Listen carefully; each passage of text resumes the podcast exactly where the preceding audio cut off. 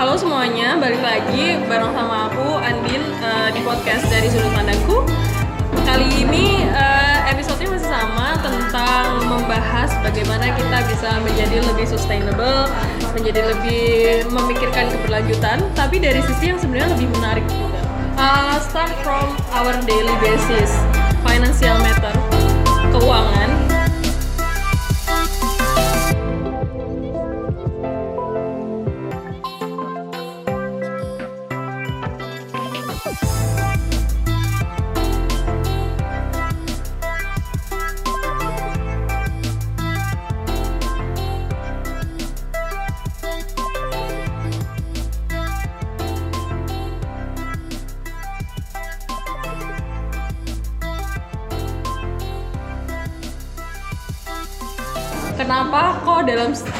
hidup kita kita harus juga memikirkan salah satu faktor itu. Karena ya sekarang kalau orang bilang kayak money cannot buy happiness itu sebenarnya enggak gitu.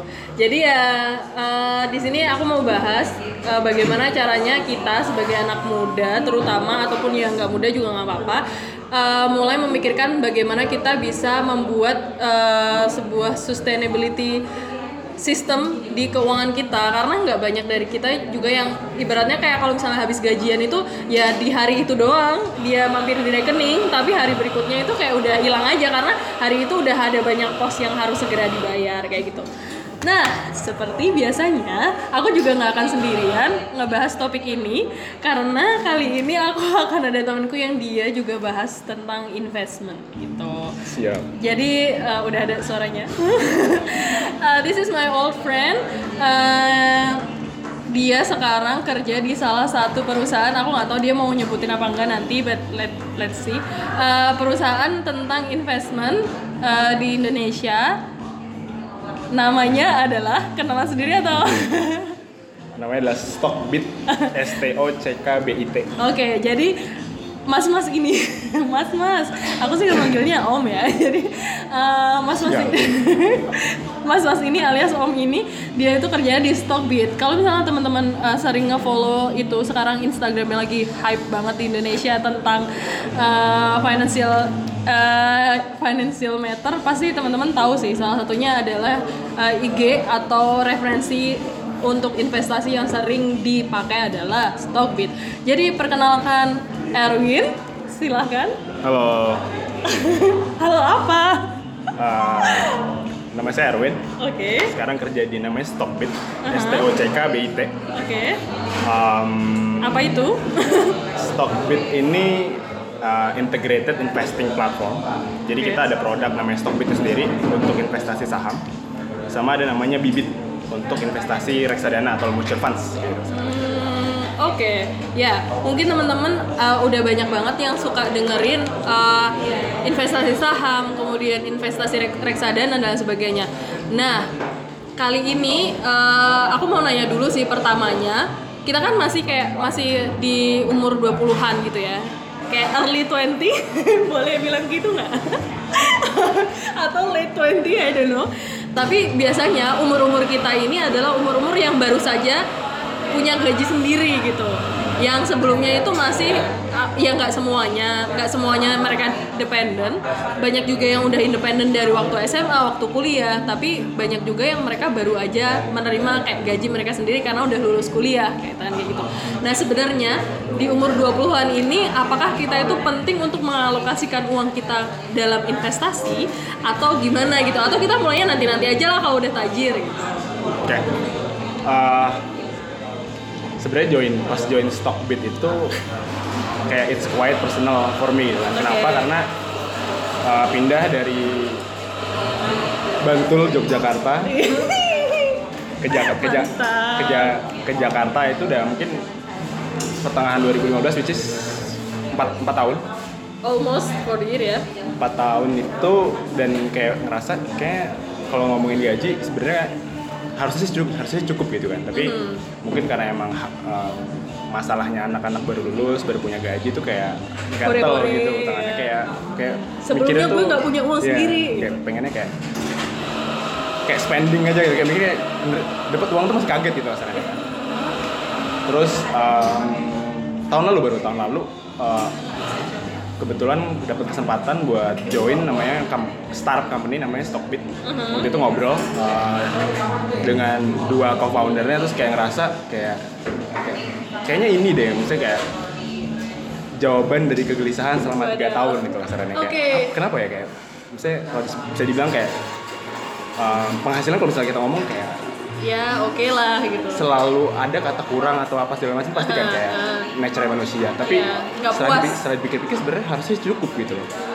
Tapi masih ngerasa kayak pernah gak sih kayak ngerasain tiap bulan tuh kayak awal bulan kayaknya happy terus akhir bulan tuh kayak udah Roma di, di kosan makan indomie gitu, Iya, segala iya, macam. iya, iya, kayak ngirit banget gitu. Jadi kan hidupnya masih masih paycheck tuh paycheck Ah, gitu ah, kan iya, betul. dengan dengan harapan bulan depan akan ada paycheck tambahan lagi gitu ya tapi kita nggak pernah mikirin kayak gimana misalkan di bulan depan ada sesuatu darurat yang kejadian emergency amit amitnya misalkan kayak Ah, sakit sakit. atau misalnya punya kendaraan kendaraannya rusak atau HP-nya tiba-tiba hilang Mhm. atau uh, mungkin keluarga butuh dana tambahan yang di luar dari rencana kita gitu jadi kan kayak mulai berpikir kayak Hmm. oke berarti kayak sebenarnya financial pertama banget sih kayak financial planning itu bener penting banget oke kayak satu uh, kita kerja selain buat memenuhi passion sih juga, mantap juga untuk kan kayak mengumpulkan uh, kekayaan lah gitu. Mhm. Jadi kita punya masa depan lebih bagus tuh, kayak grow- growing your wealth. Uh, tapi konsepsi yang salah itu orang itu nggak punya perencanaan dan nggak punya financial goals. Hmm. Kayak kerja kerja aja gitu kan. taunya relationship goal maaf Wadaw. Soalnya kerja kerja aja kan. Saya kalau bilang kerja kerja doang, sapi juga kerja gitu. Eh, tapi kerja kerja doang itu prinsipnya presiden yang lain Nggak tuh masalah. Ya. Nggak jadi kayak, maksudnya ko- konsep, konsep sederhana ya. Iya. Kita kerja, uh, say misalkan kita kerjanya standar sehari 8 jam misalkan. Kita digaji misalkan say uh, 5 juta sebulan. ya Berarti kan selama 8 jam ini kita itu meng- menukar waktu kita Dengan- materi yang diberikan oleh perusahaan gitu. iya that's true Nah, jadi pertanyaannya sekarang adalah komoditi yang paling mahal di sini adalah apa sebenarnya? Waktu. Nah, kalau ngomongin soal waktu, mungkin kayak balik lagi ke teman-teman itu kan, kayak tanya ke diri sendiri, eh, sampai kapan sih kita mau kerja? Mhm. Kalau sekarang lihat kan, kalau in my personal experience, job sec- job security is bullshit. Oke. Tonton- Jadi kemapanan gitu-gitu ya. Kayak misalkan kayak, oke kita pengen kerja sampai umur 60 gitu kan, nanti ya dapat dana pensiun retire gitu, bla kan. bla bla gitu. Tapi kan pertanyaannya sekarang di dunia yang sangat cepat banget, Rapid. pasti kan banyak yang ngerasa kayak orang yang umurnya udah 40-an ke atas itu Capek. di replace oleh anak-anak baru. yang baru lulus malah gitu. Karena Oke, secara iya. skill set beda, industrinya pun mem- kayak membutuhkan talenta-talenta yang lebih muda gitu. Eh, dan dinamis juga mungkin. Exactly gitu kan. Jadi misalkan kita umur udah kayak 40, 50, itu pasti secara pay grade kita udah tinggi. Mhm. Cuman secara skill set itu kita kurang. Jadi kan kalau mindset perusahaan itu pasti satu. Uh, bahkan nggak cuma perusahaan, Iya, bro. hampir semua lembaga, lembaga Iya. pemerintahan pasti mindset mereka satu efisiensi. Aha. Ya, Ini orang udah umur 40-an, produktivitasnya kalah sama umur 25, Iya, tapi gajinya gajinya paling lebih tinggi. gede. Iya, betul. Kan pasti uh, rasional orang kayak mungkin makanya ada Rugi PHK, dong gue ya. apa segala macam gitu. Iya. Jadi menurutku sekarang pentingnya kenapa kita mulai berpikir buat oke kita pensiun kapan ya gitu. Mhm. Dan butuh dana berapa sih dari kita cukup untuk pensiun? Karena ini kemarin ada data dari kompas.com, dari Jiwasraya, dari Jiwasraya. Oke. Atau Asuransi nggak sih itu? dari kompas kompas.com nggak salah. Jadi uh, assuming misalkan gaji kita UMR, Aha. uh, terus kita nabung di BPJS Ketenagakerjaan, Ya. em, itu cuma bisa mengcover 25% dari biaya pensiun. Hmm. Makanya kebayang nggak sih misalnya kita udah umur 60 gitu Iya. atau 50-an ke atas, terus tapi kita masih pusingin sama masalah uang gitu. Iya iya iya. iya. Karena karena orang itu kalau dulu kayak mikirnya kalau 60 tahun oke ya anak-anaknya aja yang bayarin tapi kayak emang harus kayak gitu gitu kan. Ini kan sebenarnya kan konsep dari dana persiapan untuk pensiun, pensiun dini atau apa Iya. segala macam itu penting dipersiapkan dari sekarang gitu. Nah, itu ada instrumen namanya investasi. Hmm, oke. Oke, jadi ibaratnya kayak kita susah sekarang, tapi nanti enak gitu ya. Sebenarnya- ya nggak enak juga, tapi maksudnya setidaknya lebih secure gitu. sebenarnya nggak harus yang susah gitu kayak gini orang orang Ya maksudnya nggak susah, tapi put effort gitu. ya orang ya. tuh banyak mikirnya kayak ah investasi mah ntar aja deh kayak nunggu nunggu mapan lah Ah, apalah segala macem ah. gitu kan tapi itu sebenarnya konsepsi yang kurang bener sih kalau bisa bilang kenapa karena kalau investasi itu ada namanya istilah uh, compounding returns atau in- interest Apa tuh? Udah mulai ke istilah yang pertama, compounding interest. jadi compounding interest itu ibaratnya kayak gini uh, bola salju Aha, dia kalau turun terus ke bawah sam- semakin gede. dia semakin gede Ya, snowball mungkin effect. analogi yang paling gampang kayak gini misalkan teman-teman punya pinjaman ke bank misalnya Hmm, uang uh, 10 juta hmm. terus pasti kan bunganya di akhir itu bakal lebih dari 10 juta kan saya teman-teman Ya. bayar total 14 juta Ya. misal nih teman-teman nunggak nunggak nunggak nunggak bunganya bakal terus gede tuh. Ya, tambah nah lagi. itu konsep yang sama di investasi Oke. jadi uh, berarti apa kuncinya adalah start early Mulai lebih awal. mulai lebih awal karena kalau teman-teman mulai kayak lima tahun lebih cepat daripada teman-teman yang lain berarti teman-teman punya lima tahun keunggulan dari segi si bola salju ini berarti teman Ukurannya tuh lebih kecil lah Iya. awalnya. awal lebih kecil tapi nanti pas Modal udah sampai lima ya. tahun udah segede mungkin lebih gede daripada teman-teman yang baru mulai Ya, oke. kayak gitu contoh eh, mungkin kita nyebutnya bukan bunga ya tapi lebih ke arah imbal hasil Ya, eh, sebenarnya itu margin, kalau Margin, kita ya. bilang revenue sih. Iya, ya.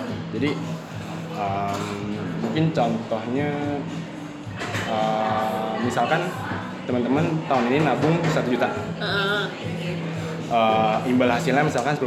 Berarti uangnya kan 1,1 juta.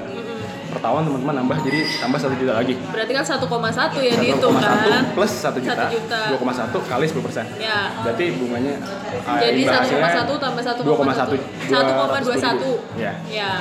Jadi kayak Nambah, gitu, terus aja. gitu. Jadi kalau inget istilah matematikanya tuh apa? Pangkat. Jadi Ya. bilangannya tuh bukan yang dikali tapi pangkat. Aha, oke. Gitu. Eksponensial. Eksponensial benar. Kayak gitu. Jadi kalau ada yang nanya eh, mulai investasi tuh sekarang modal kecil atau besok minggu mapan. Ya. Oke, misalnya simulasi. Kita udah ngumpulin 10 juta. Aha. kita masukin ke investasi Eh, dibanding sama kita mulai eh, dua tahun lalu Ha. rutin sejuta sejuta sejuta Iya. pasti hasil bakal banyak yang rutin sejuta sejuta dari dua tahun lalu Oke. padahal sebenarnya secara angka itu sama-sama mungkin 10 juta tapi Eh, karena kita dapat ada imbal hasil lagi tuh kan Ya, yang terus ada pertambahan setiap bulannya gitu katakanlah atau setiap tahunnya Iya. gitu. Oke, Tuh, jadi buat teman-teman yang baru mau mulai investasi eh, sesegera mungkin. jadi sebenarnya konsepnya banyak yang nanya harus ngerti dulu atau apa segala macam ngerti basic harus ya, cuman yang penting kayak start early aja oke. Modal kecil misalnya 100 ribu per bulan kah atau berapa segala macam. Karena yang penting kita ngeliatnya kayak jangka panjang gitu. Oke, jadi yang yang itu adalah tentang karena sebagai anak muda yang baru banget dapat gaji itu adalah jawaban apakah kita itu harus start investment atau enggak gitu. Nah, kemudian kan uh, banyak banget nih istilah investasi gitu kan. Pertama kita mulai dulu deh bedanya kita stok sama reksadana gitu. Yang orang kadang-kadang kayak kalau stok kan nanti gimana kalau rugi dan sebagainya gitu jadi kan orang kayak oke I'm on the reksadana side atau I'm on the investment side gitu boleh dijelasin nggak? jadi kan jadi kalau misalkan kita ngomongin piramida orang punya finansial ya Ya piramida kayak Maslow gitu ya? piramida paling bawah itu orang butuh pinjaman Mhm. kayak orang untuk integrate. Masih kurang duitnya bukan, dia untuk pinjaman gitu lah. untuk akselerasi ya sebenarnya. benar dia pinjaman buat modal usaha untuk Iya. rumah tangga atau segala Iya, macam itu kan. once dia udah punya penghasilannya cukup pasti dia punya namanya bank account. Punya akun punya akun bank lah kasarnya Iya. dia mulai nabung tuh. Setelah nabung mereka ngerasa apa ya kira-kira yang bisa menghasilkan imbal hasil yang lebih gede. Mungkin orang-orang tuh pasti kalau yang konvensional bakal bakal nyarinya oh bisa nih misal emas. Mhm. atau bisa deposito misalnya. Ya Nah, ditabung di bawah bantal Nah, setelah dari deposito orang mulai mikir kayak apalagi nih kira-kira lebih bagus nah orang mulai cari yang lebih sederhana which is ada pilihan namanya reksadana ya Terus Dan udah- apa itu reksadana? Bentar ya. Oke. nah orang udah mulai ngerti soal reksadana pasti dia mulai main ke saham Aha. kayak gitu nah jadi oh ya mungkin yang belum dihalat kenapa penting investasi itu karena ada namanya inflasi Oh iya betul. tiap tahun ada inflasi data terakhir kalau nggak salah itu 2,8 persen atau nanti Iya. bisa dicek lah Dan Dua- dua persen sekian. Dan yang perlu diketahui juga tentang inflasi itu yang bisa ngatur bukan BI, tapi itu Fed, the Fed Ya. gitu. pokoknya itu Rumit lah gitu. lah itu Ya. yang bisa ngatur jadi uh, Nilai uang. Ya, jadi kenapa dong. kenapa inflasi kenapa inflasi itu perlu diperhatiin adalah misal nih kita sekarang punya duit sejuta, inflasinya misalkan rate-nya 3%. Berarti tahun depan satu juta kita itu cuma bernilai 9,970 ribu. Iya, that's true. Ya. Ya. Atau kasarannya gini deh, kalau misalnya kita mau bandingin dulu waktu SD kita tuh punya uang saku 500 rupiah itu tuh udah bisa beli mie ayam katakanlah tapi sekarang tuh kita butuh kayak 15 ribu berarti nilai uang 500 itu udah berbeda dari 10 tahun 15 tahun yang lalu dengan nilai uang 500 rupiah saat ini gitu kan nah itu konsep inflasi gitu Berarti kan sekarang kita cari tempat di mana nilai uang kita ini bisa mengalahkan nilai inflasi. inflasi ya jadi Contoh. biar 10 juta kita tuh tetap sama nilainya di se- di 10 juta tahun kapan gitu Beberapa contohnya kan eh, misal kita ngomongin soal tabungan itu kan. Mhm. Eh, ada yang syariah, ada yang konvensional. Tapi misalnya kita ngambil data eh, kasaran, ya kemarin saya ngelihat di salah satu bank, bank besar di Indonesia.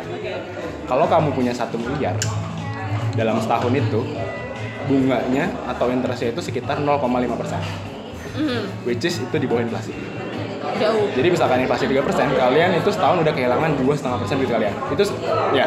Mhm. Jadi setiap tahun bukannya habis nambung, bukannya duitnya nambah, tapi malah kurang- kurang. terus. Belum kena biaya admin segala macam. ya Terus misalnya kita ngomongin eh, deposito. Mhm. Deposito sekarang 5 misalkan persen buku empat 4, empat setengah lah bank-bank gede itu paling 4 5 persen itu udah bagus banget. 5 persen tuh prioritas Ya, kayaknya tapi ingat itu masih kena pajak 20 persen. oh, oke Dan itu ada ada termnya kan, kayak misal setahun. Kalau cuma tahun. mencairin kurang dari setahun, berarti kena, Kena denda lah, segala ya. macam gitu.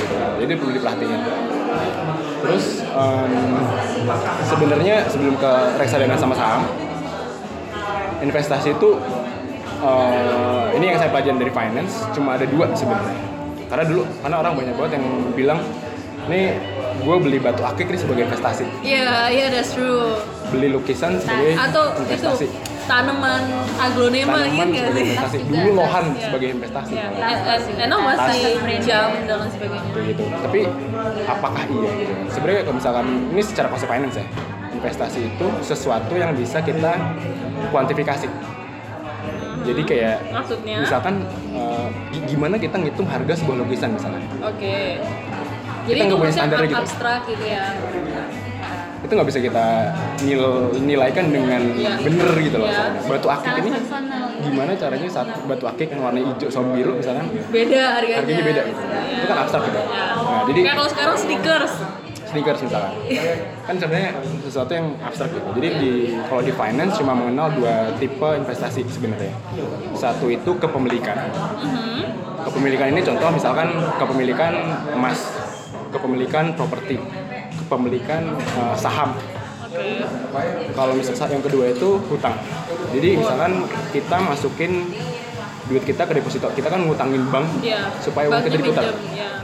kita sekarang ada konsep yang lebih keren misalnya P2P lending misalnya Oke. Kita- yang returnnya gede banget itu ya kita minjemin kita minjemin uang ke, Ke orang perusahaan. lain nanti orang lain itu bakal ngembaliin uang kita plus dengan misalkan bunga yang dikasih gitu. Ya atau misalkan sekarang ada eh, surat utang negara misalnya. Kita Ya, ngutangin SPN. negara si negara yang bayar kayak imbal hasilnya kepada kita gitu. Nah mungkin yang bakal saya bahas di sini lebih ke arah kepemilikan. Jadi eh, sebenarnya dua sih utang sama kepemilikan. Ya. Jadi masuk lagi misalkan ke- kita ngebahas soal misalkan soal kepemilikan saham. Contoh, gampangannya gini, eh, teman-teman kan pakai Pepsodent misalnya, oke atau misalkan tiap hari pakai bank ka- kartu ATM misalkan bank BRI gitu misalnya, ini menuju NVR ya atau bank BCA gitu misalnya. Itu kan sebenarnya produk-produk yang teman-teman sekali sehari-hari pakai kan. Iya. Tahu nggak sih misalkan produk-produk itu, misal pakai motor eh, Honda, ya Astra lagi lah produk-produk. Banyak pokoknya ya banyak banyak produk yang Produk itu sehari-hari. sebenarnya produk sehari-hari yang sebenarnya mereka itu terdaftar di Bursa Efek Indonesia Ya, IPO. sebagai perusahaan TBK. Dan perusahaan TBK itu memungkinkan untuk kita investasi di perusahaan tersebut. Jadi kasarannya eh, untung dari mana sih? Satu ada dua keuntungan, ada namanya dividen. Jadi itu kayak bagi hasil. rata, ya. Misalkan perusahaannya untung gitu selama setahun nanti teman-teman dibagi hasil tuh dari keuntungannya. Sama ada kedua itu namanya capital gain. Capital gain itu misal teman-teman beli harga sahamnya BRI sekarang misal kemarin 3000 3.800-an. sekarang harganya udah 4000 berarti marginnya itu udah Seribu. 1000 sendiri 1000 per 3000 berarti udah Udah 100. 30% sendiri misalkan Iya, iya betul. jadi misalkan teman-teman invest 10 juta Berarti udah balik jadi duitnya 13 udah juta. 13 juta kayak gitu Em, dan ini sebenarnya kalau misalnya dilihat dari eh, segi kita ngomongin ini kita kan cari tempat yang bisa ngalahin inflasi kan di IHSG which is indeks harga saham gabungan yang ada di bursa efek itu selama mungkin 20 terakhir itu rata-rata naik 18 20 tahun. naik 18 rata-rata Oke. which is kayak Melebihi inflasi jauh gitu lebih lah. inflasi ya. jauh Ya. melebihi deposito jauh dan bisa dibilang emang konsep investasi ini uh, ada resiko juga gitu jadi Bisa kayak perusahaannya bangkrut atau apa. benar jadi kayak kenapa di sini saya suggest coba pilih deh perusahaan-perusahaan yang teman-teman pakai tiap hari jadi bisa nge- saya sendiri sih nggak kebayang misalkan bank BRI, bank BCA atau misalkan Unilever atau misalkan teman-teman makan biskuit Roma, Mhm. bank-bank Mayora which is Iya. perusahaannya itu bakal bangkrut 20 tahun ke depan Iya. saya nggak kebayang sih misal Indomie misalnya Ya. jadi INDF. Misalkan kenapa nggak eh, misal kalian pakai barangnya Tapi juga invest. invest di dalam. perusahaannya jadi kalian juga punya perusahaannya gitu Ya. Ya walaupun cuma 100 ribu itu tetap Iya. bagian dari anda gitu. Iya, tapi bener kayak seratus ribu misalkan contoh perusahaannya Sido muncul, misal yang suka masuk angin makannya minumnya kalau angin atau angin gitu kan. Pindah ya. Itu sekarang itu harganya kita seribuan lah. Tapi yang lebih murah lagi tuh ada banyak sebenarnya. ada banyak, ada banyak. Yang harga 200-an. Bisa. Tapi itu kayaknya nanti ya itu lebih ke kayak udah masuk ke teknis gitu. Iya. Balik lagi dong. Jadi sebenarnya bedanya investasi sama reksadana apa? gitu. Oh ya, kalau reksadana, kalau saham kan, Kayak itu saham kan karena itu tadi kita invest dan sebagainya. jadi kalau saham kan temen-temen yang milih sahamnya apa. Hmm. Tapi ingat di Bursa Efek Indonesia itu ada 600, kita 600-an perusahaan TBK. IPO ya. Jadi ada 600 saham yang teman-teman harus pilih.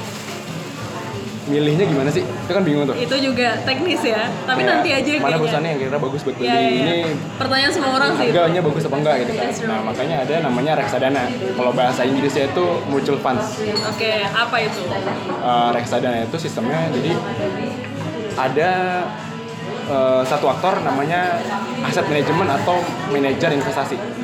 Kerjaannya dia itu yang mengelola keuangan lah. Nah dia ini ngumpulin dana dari nasabah banyak. Misalkan eh, saya invest ke dia 10 juta Andin 10 juta Yaya 10 juta berarti dia punya 30 juta nih. Nah nanti dia yang mengoperasikannya. Kalau saham kan kita milih sendiri. Oh saya mau beli saham ini nih ini segala macam. Nah kalau kita pakai reksadana ini ada ahli finansial namanya manajer- investasi. Ini biasanya bisa dilihat misalkan ada Mandiri aset manajemen, Sinarmas aset manajemen, apa aset pokoknya yang belakang embel-embel ada aset manajemen tuh Berarti dia tuh ahli investasi yang mengelola uang kalian gitu. Nah dia ini karena dia mengelola dana nasabah, dia punya pilihan tiga. Satu, eh, masukin dananya itu ke instrumen pasar uang, which is deposito atau surat utang. Jadi misalkan bedanya apa dengan deposito? Misalkan dia punya dari nas dari nasabah punya 100 ribu nasabah total satu T. Dia lari ke bank BPD DIY misalkan. Eh ini ada satu T nih. Lo minta dong eh, bunga lebih tinggi lebih gitu. tinggi Ah. daripada individu. Kan punya satu teh. Jadi nego misalkan oh, pasar uang deh. gitu ya. ya khusus dia saya kasih misalkan 6% atau 7% gitu. Ah. Kayak gitu. Tapi secara konsep sebenarnya sama di reksadana pasar uang sama deposito. Cuma beda eh, bedanya reksadana pasar uang bisa dicariin kapan aja. Enggak kena pajak. Mhm. Dan itu dikelola sama ahlinya. Itu kayak reksadana penghasilan tetap itu beda ya? Nah itu ada lagi. Kalau reksadana, pendapat tetap itu atau namanya obligasi itu kebanyakan dilarin ke surat utang. Hmm. Terus ada yang ketiga namanya Pasar reksadana pasar pasar saham. saham. Jadi kalau tadi saham mengelola sendiri, kalau reksadana ya. pasar saham, dia yang milihin saham mana yang bakal diinvestasiin. Misalkan, misalkan pilih salah satu reksadana, misalkan eh, reksadana X. Nanti kalian bisa lihat tuh si manajer investasi ini masukin duit kalian ke mana aja. Oh ternyata dia milih dimasukin ke Telkom, dimasukin ke Astra, dimasukin ke atau yang nggak jelas nggak mungkin BTPS, BTPN syariah atau apa segala macam. Jadi teman-teman bisa ngeliat itu, tapi biarin yang mereka ngelola. Ini cocok buat investor pemula. oke Jadi yang baru mulai kayak nggak mau ribet gitu kan. Jadi udah masukin reksadana aja. tapi resikonya Nah resiko ini eh, macam-macam. Jadi eh gue buat gambaran juga investasi itu kalau bisa sih mainnya long term. mhm, karena ada trading ya Nah, ini ini beda beda ini ya, beda kiblat. Beda ya. main, iya, beda main. kiblat ya. Beda- Ini beda kiblat. mazhab. Kalau kalau menurut saya kalau menurut saya sih saya lebih Long lebih term. lihat investasi itu long term. long term itu berapa lama 10 20 tahun. oke Karena menurut saya ya, there is no such thing kayak instan gitu. Aha. Kayak jangan jangan expect kayak gue udah investasi sejuta nggak ada hasil hasilnya selama Baru selama sebulan misalkan ya? Ya ya oke. Kayak- bisa sih kalau gorengan. Maksudnya eh, fungsinya itu sebenarnya untuk ya itu tadi balik lagi ke tujuan awal kita yang mau Yep. punya penghasilan ini ya. A- aku pernah baca di salah satu blog namanya Mr. Money Mustache di Mr. Money Mustache itu dia eh, karena dia rajin banget investment akhirnya di umur I don't know like 46 or something dia sekarang retire dan penghasilannya dia itu didapatkan dari si stoknya yang dia tanam dulu gitu Yep, yep. jadi mungkin kayak gitu gambarannya kenapa kita start early, kenapa kita pakainya long term gitu. Karena ada satu lagi istilah di investasi yang bukan long term itu namanya trading ya kan.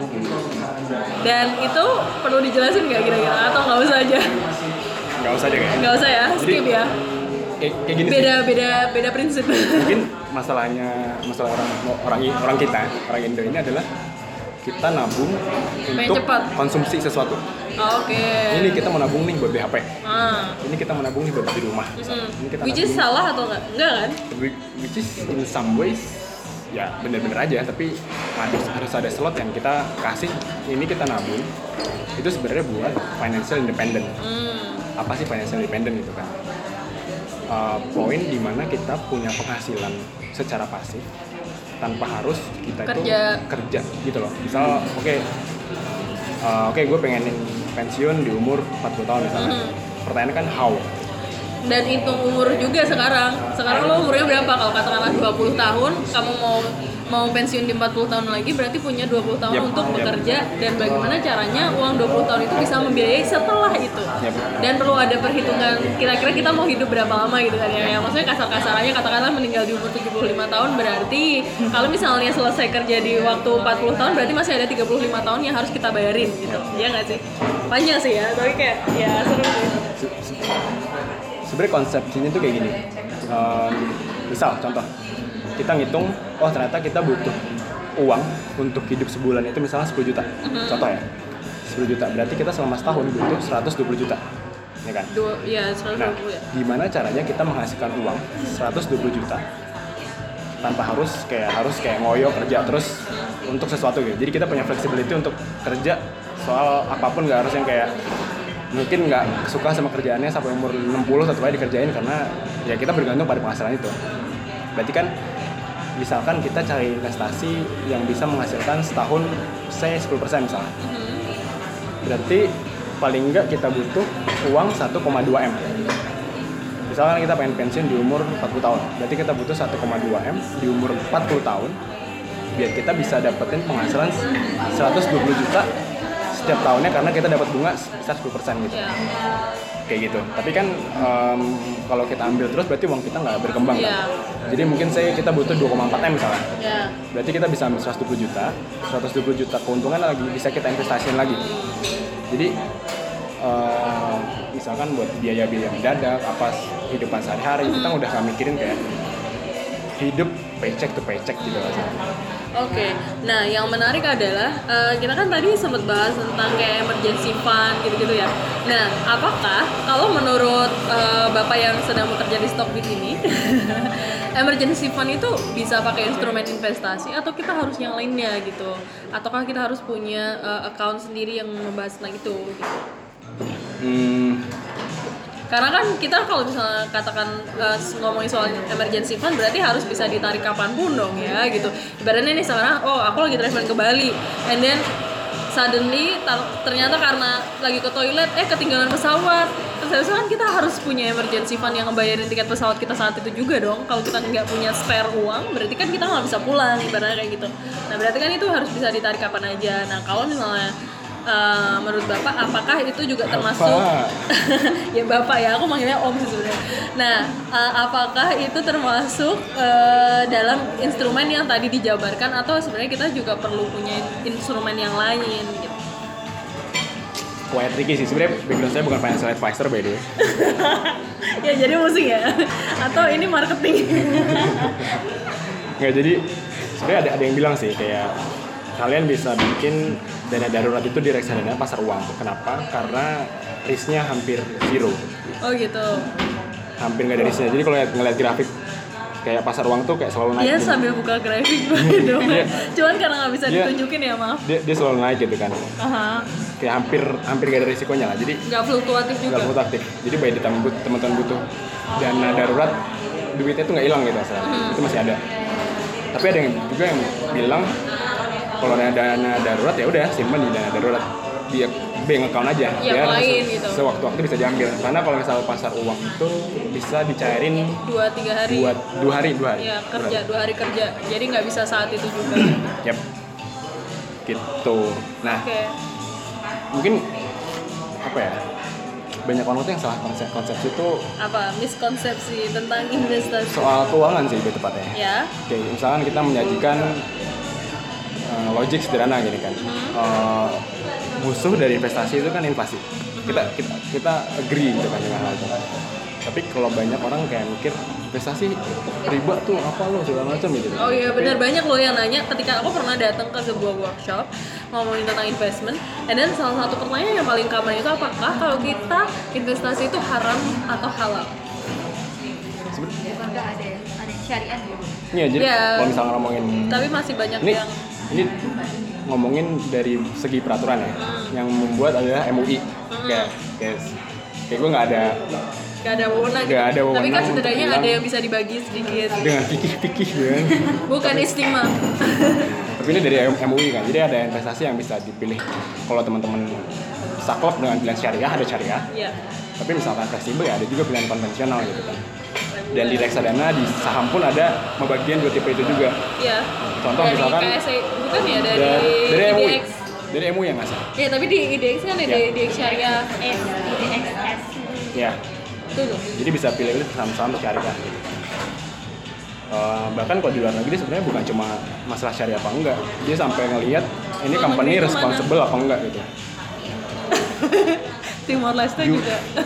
US, Europe tuh biasanya udah mulai Iya kalau Europe kayak ya iya sih. company responsibility-nya bagus apa enggak. Karena kalau di Belanda itu termasuk salah satu yang eh, jadi faktor apakah si mereka ini eh, company-nya bisa dia apa ya bisa well paid kepada para pekerjanya Yep. ngomonginnya karena ini recordingnya waktu Mayday ya atau misalnya mereka itu sebenarnya ke environment itu bagus apa enggak dan lain sebagainya bahkan sampai ke arah itu yang menurut mereka bahwa gue mau invest itu hanya untuk perusahaan yang gue sangat-sangat percaya gitu Yap, yap.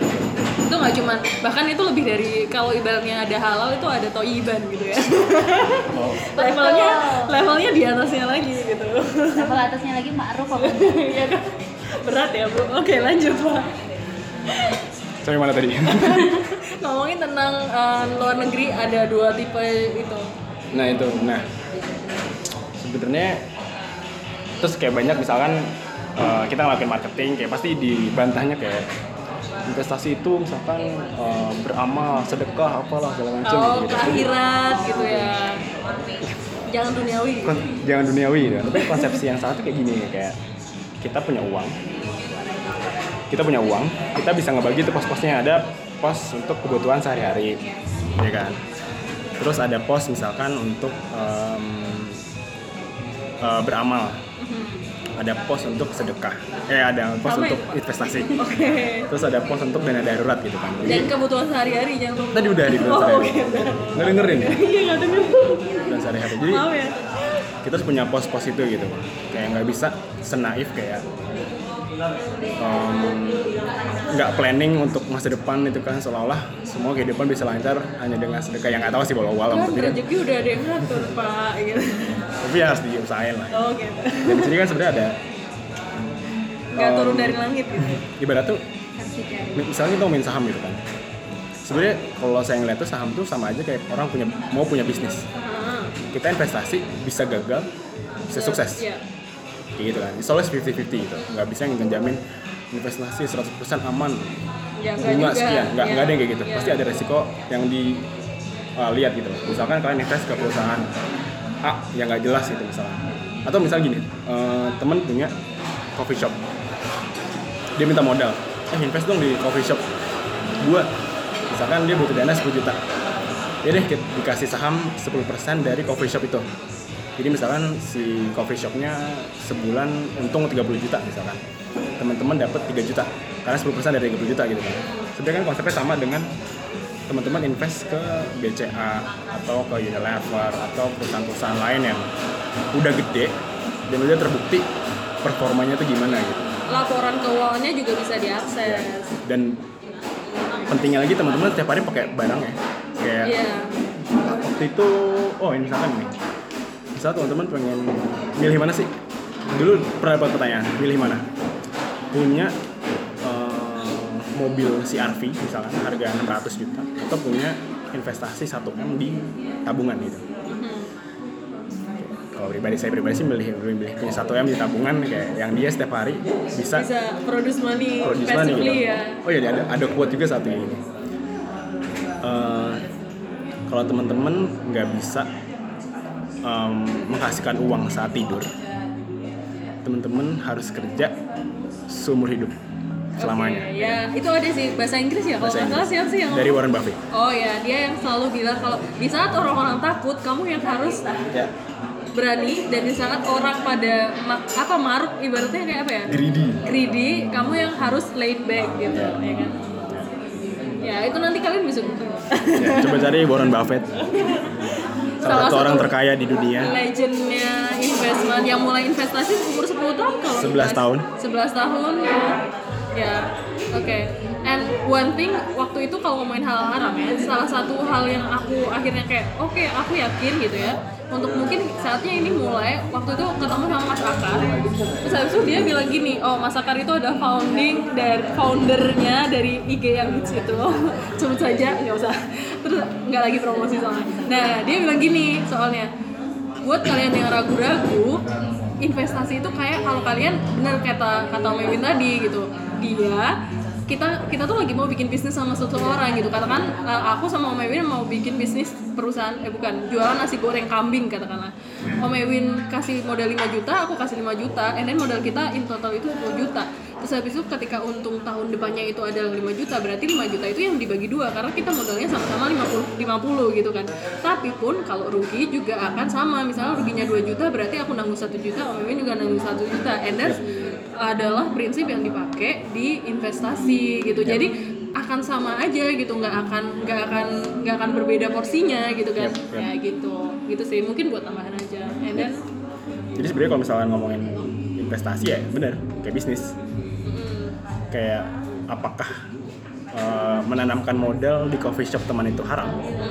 ya kan Tergantung ya, bisnisnya lagi. eh, nanti itu komponen lain maksudnya dari prinsipal itu enggak tapi kalau komponen lain misalnya kita nggak mau ke Bisnis orang yang misalnya. atau rokok katakanlah karena kita nggak ngerokok atau lain sebagainya ya nggak masalah Yep. gitu itu pilihan kita masing-masing tapi in the principle itu adalah seperti itu tadi gitu ya terus habis itu mungkin eh, selanjutnya adalah gini deh eh, ketika buat teman-teman yang ini masih sekarang gue udah yakin nih gue mau mulai investment gue mau mulai reksadana katakanlah and then what is the first small step yang harus kita lakukan gitu Oke. teknisnya Donald Stock Bit. Jadi kan misalkan kalau belum mulai sama sekali, Aha. em, saya saranin sih masuk ke coba reksadana. Kenapa reksadana? Saya dibilang kan Hmm, uang kita, secure. uang kita dikelola sama manajer investasi. Yang Jadi expert gitu. misalkan kayak sibuk atau nggak nggak punya waktu, kemudian mungkin masih belajar segala macam, paling nggak kayak experience the first uh, first hand dari kayak investing gitu kan. Dan coba bisa coba kayak reksadana. Bisa download aplikasi namanya Bibit. Tersedia di Google Play dan App- Apple Store. Oke, promosi ya. Gak apa-apa, gak apa-apa lanjut. Jadi bagusnya Bibit adalah Eh, gak apa-apa, gak apa-apa. Jadi kan- ada banyak. jadi uh, for your infor- information marketing produk Gak apa-apa, Produk marketing produk reksadana itu ada sekitar seribuan lebih. Ya, banyak lah. Pokoknya kalau Again, publik. bagaimana cara memilih produk yang bagus gitu kan. Nah, di Bibit ada namanya teknologi Robo Advisor. gitu. Apa itu? Robo AI ya? Robo Advisor itu jadi kita ngelihat em, pro- profil resiko teman-teman gimana. Misalkan ada orang-orang yang secara resiko, eh saya mah yang penting uangnya naik tapi nggak mau resiko yang tinggi-tinggi. Gitu kan. Iya. Ada yang moderat, ada yang agresif. Jadi dia kayak high risk, high return gitu. Ya, kata orang ya. Gitu. Jadi kayak dia lebih lebih tahan gitu kan buat investasi yang nggak apa deh turun turun turun turun tapi nanti bakal naik gede jangka panjang gitu kan. Nah si bibit ini bisa em, memfilter kira-kira temen tuh cocoknya produk apa sih. Jadi kalau di awal tuh udah nggak usah nggak usah bingung milih reksadana. Kayak bibit bisa milihin reksadana terbaik untuk sesuai dengan profil teman-teman. Itu marketplace. Bukan Jadi itu emang via bibit kan? via bibit. Oke. Download bibit di Google Play dan Play dan Apple Store. Boleh aja. itu dilihatnya dari mana maksudnya eh, bisa me- akhirnya keluar keluar satu advice dari bibit itu dilihat Dari mana profil, profil, ya. ya profilnya profil kita yang kita masukin tuh apa aja Jadi- dia bisa Nama orang tua. Jadi nanti Tapi pasti ada kan? Ya. Ada salah satunya tanggungan pasti. nah apakah itu eh, gaji Jadi poin. Jadi kita ngelihat kayak gini, em, profil yang kita dat yang kita data adalah satu eh, umur berapa, kemudian eh, Harapan hidup. umur berapa, penghasilan berapa, Belum ada kan ya kayak gitu nanti aku bikin tandingannya lah. tahu tadi. Yang mana tuh? Goalsnya, goalsnya. Saya cuma itu, itu. Um- umur berapa, penghasilan berapa, total kekayaan berapa, punya tanggungan Aset atau gitu ya. tidak, menikah atau belum. Kemudian kita bakal nanya, misal nih investasi teman-teman selama sebulan eh, turun 15%. Apa yang bakal teman-teman lakuin? Oh itu ada pertanyaannya. Ada kayak UTS ya pak? apakah misalkan oh turun 15% misalnya punya 15 juta turun jadi turun 15% jadi 13,5 juta gitu kan? Aha. minus dong 1,5 juta. Teman-teman mau ngapain? Apakah tahan aja karena besok akan naik Mhm. atau panik jual Oh itu buat ngelihat karakter kita Iya. ketika kita nanti menghadapi investasi. atau malah justru beli lagi Oh itu karena tapi bukan based on pengalaman ya, itu kayak pertanyaan yang uh, ada di situ kayak tes psikologi gitu loh ya. Oke. karena pernah ada kecenderungan misalnya kalau teman-teman udah menikah udah punya anak pasti bakal cari uh, resiko yang lebih kayak konservatif gitu loh karena kebutuhan kan banyak tuh. Ya, that's true. kalau kita masih single masih uh, free and young and, Kita itu and stupid and, stupid and stupid gitu kan kita kan masih But kayak stupid is always make us grow. my oh my Reckless. my life my life is my, is my adventure kan jadi mungkin kayak lebih kayak cari yang high risk high return gitu kan karena nothing to lose gitu. Saat ini. Gitu. nanti si bibit ini bisa ngebantu teman-teman buat pilih reksadana dan kita bakal kita ada fitur baru kemarin beli reksadana pakai GoPay Ini baru launch beberapa hari yang lalu sih aku lihat di IG story-nya. Jadi kayak ini benar-benar salah satu marketing via ini.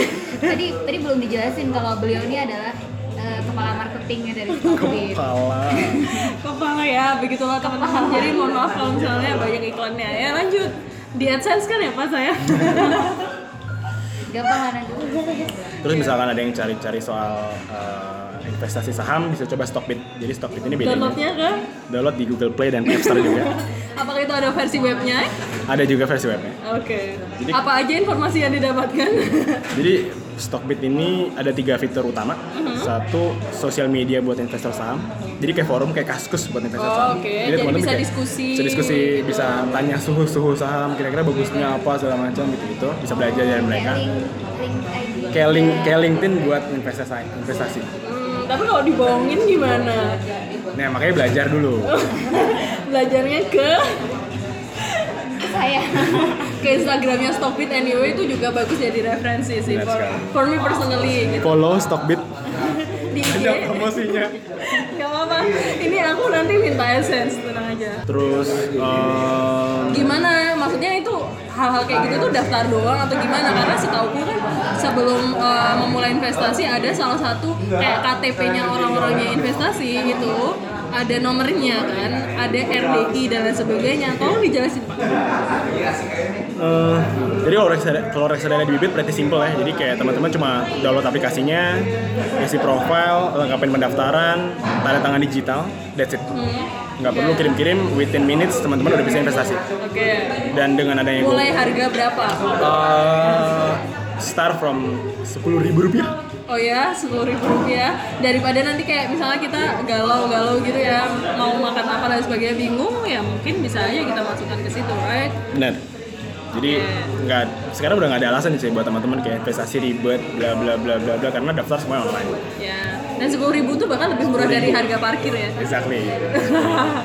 Dan bisa bayar pakai GoPay. Di mall. gitu. Mungkin kalau saham memang ada peraturan khusus untuk tanda tangan digital. Jadi ya, kayak karena emang harus verify. eh, tanda tangan basah sorry, tanda basah. Oh kalau RDI, ya. Kalau saham, jadi emang harus kirim dokumen dulu. Jadi bisa bisa juga daftar via Stockbit. Nanti klik aja bagian buka rekening saham.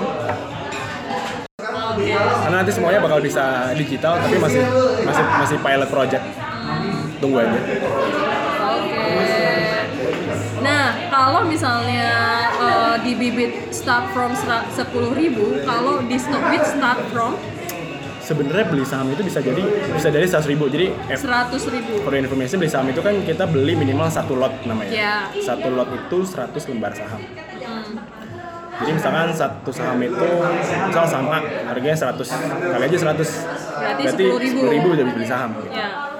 Tapi kalau di Stockbit kan- kita ada minimum deposit 500 ribu untuk pembukaan account. Oke, tapi memang basically dari peraturannya di Indonesia itu kamu bisa mulai investasi dari 100 ribu gitu kan untuk awalnya. Tapi setelah itu mau berapapun ya terserah ya. Ter- tergantung juga dari eh, stok yang mau kita beli kayak gitu.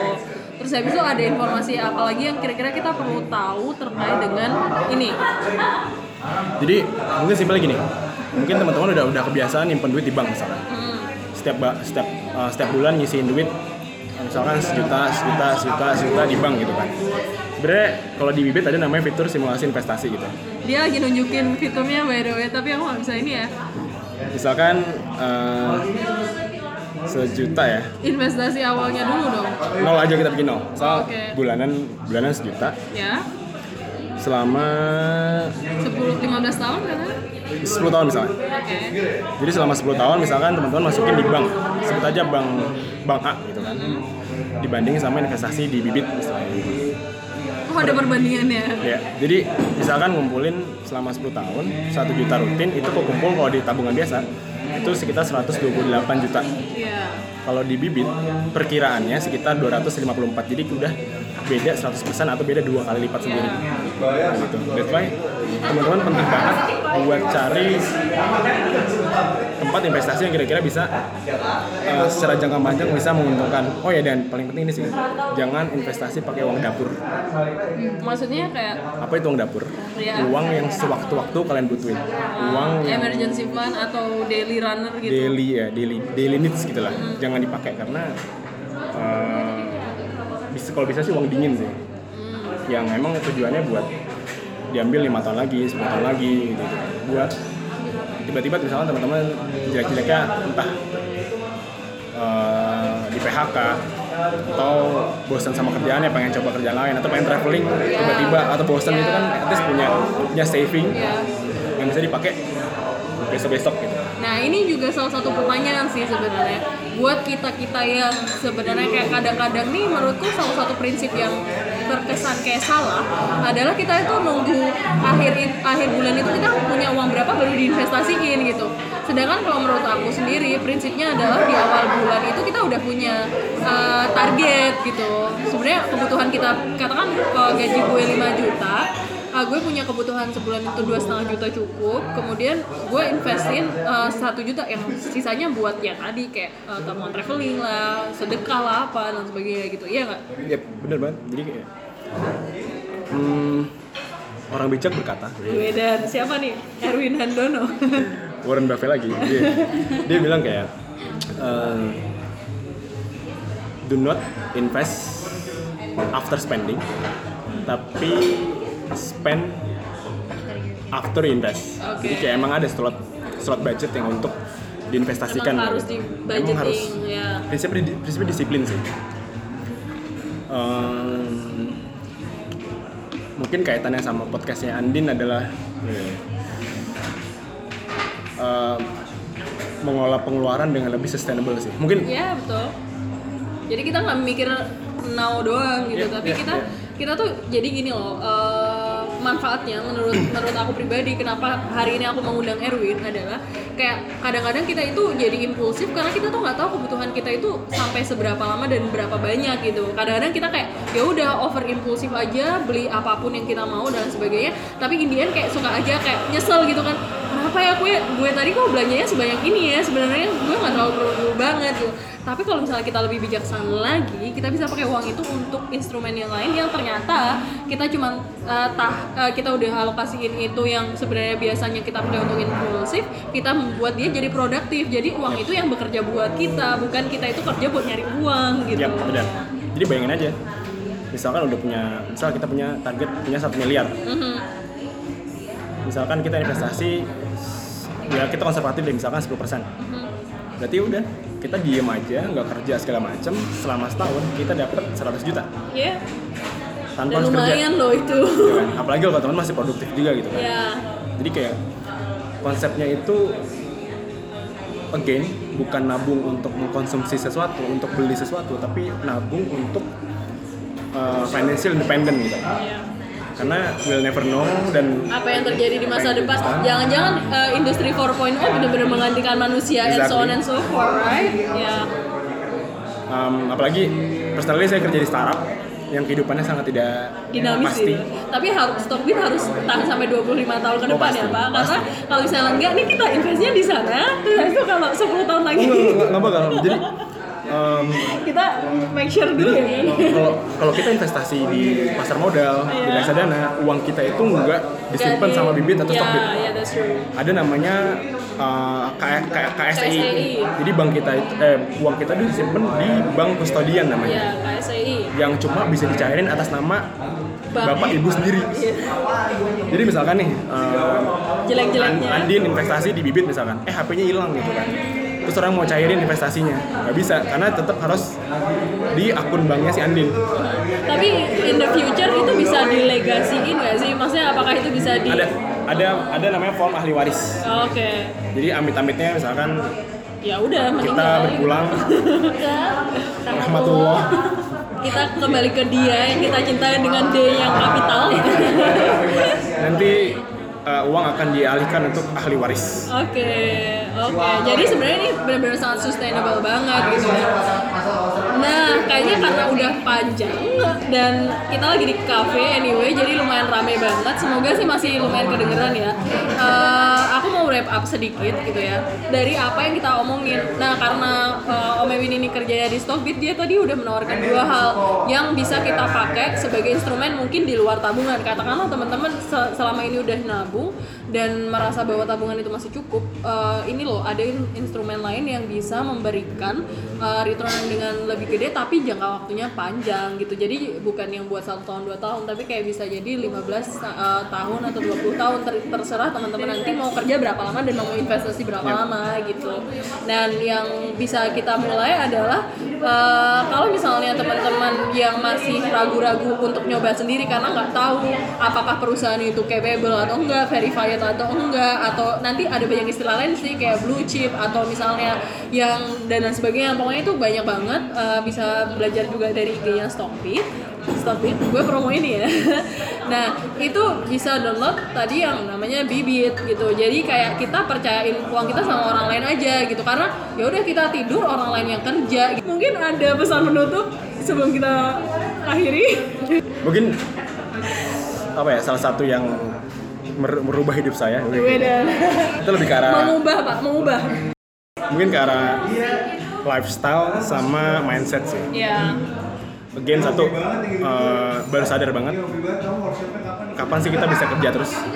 Sampai kapan kita harus kerja terus Ya, gitu. makanya kalau pribadi sih punya punya miss misi, punya impian sih bisa pensiun dini. Aha. Jadi mungkin bisa bikin bisnis sendiri, mungkin mungkin bisa eh, membangun daerah gitu. Beda. Nyalam nyalam. Atau tidur tiduran kayak Bruno Mars gitu. Jadi kita nggak harus yang pusing tiap tiap akhir bulan kayak Iya. aduh duit gue gimana nih gimana segala macam karena udah ada uang yang terus produktif bekerja tanpa kita harus pantengin atau tanpa Iya. kita bekerja terus gitu kan. Iya. Karena again eh, komoditas yang paling mahal adalah waktu. Oke. That's kita true. tidak bisa membelikan waktu ini bukan end game. sorry sorry spoiler. But that's true. Ya, gue pernah nanya ke salah satu temanku, uh, nanya gini kayak, kenapa sih kalau misalnya kita kita harus mengeluarkan kerja, eh, mengeluarkan waktu untuk kita bekerja pada perusahaan, kenapa dia menggantinya dengan uang, tapi dia nggak ngasih kita waktu gitu. Nah itu ada salah satu mungkin pertanyaan yang bisa teman-teman jadikan pemicu untuk berpikir dan uh, dengan hal ini juga sebenarnya arahannya kenapa? Karena uh, aku pengen kayak sebenarnya orang-orang tuh lebih sadar aja sih eh, in the meantime kayak terserah kalian mau pakai instrumen apa atau mau habisin uang dan sebagainya tapi selama teman-teman itu sadar dengan dengan si uang itu ya nggak masalah gitu. Jadi pesan aku adalah jangan sampai kayak kita itu yang yang hidupnya dikontrol sama uang gitu. Yep.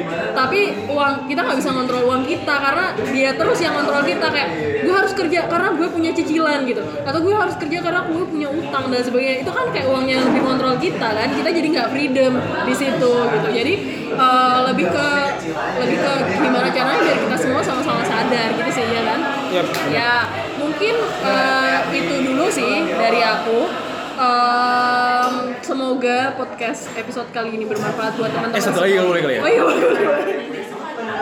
Jadi yang paling penting tadi kan ngomongin soal cicilan, hutang segala Iya. macam. Jadi make sure sebelum spending atau beli sesuatu itu tidak lebih dari paycheck yang pernah kita generate. Jadi jangan misalkan gaji eh, 5 juta eh, terus misalkan beli sesuatu yang kira-kira eh, harganya misalkan 50 juta tapi nyicilnya ngoyo banget gitu. Ah, kayak yang lebih dari 5 juta sebulan gitu Misalkan gitu gitu kan. Jadi kayak make sure teman-teman teman-teman secara ya secara manajemen keuangan bisa milih lah, ini ini butuh nggak sih? Oke. Dia lebih conscious dalam hal ya hidup. itu itu yang saya maksudkan. Sama- conscious lifestyle kita coba tantang diri sendiri eh, misi untuk mendapatkan satu miliar pertama di umur berapa ya Oke, pesan terakhirnya uh, start now coba lebih sadar dalam making decision in everyday life buat kita biar bisa lebih sustainable. Gitu aja sih. Sekian dari aku. Erwin juga ada Yaya sebagai background kali ini. So thank you so much guys for listening and see you on the next episode. Bye.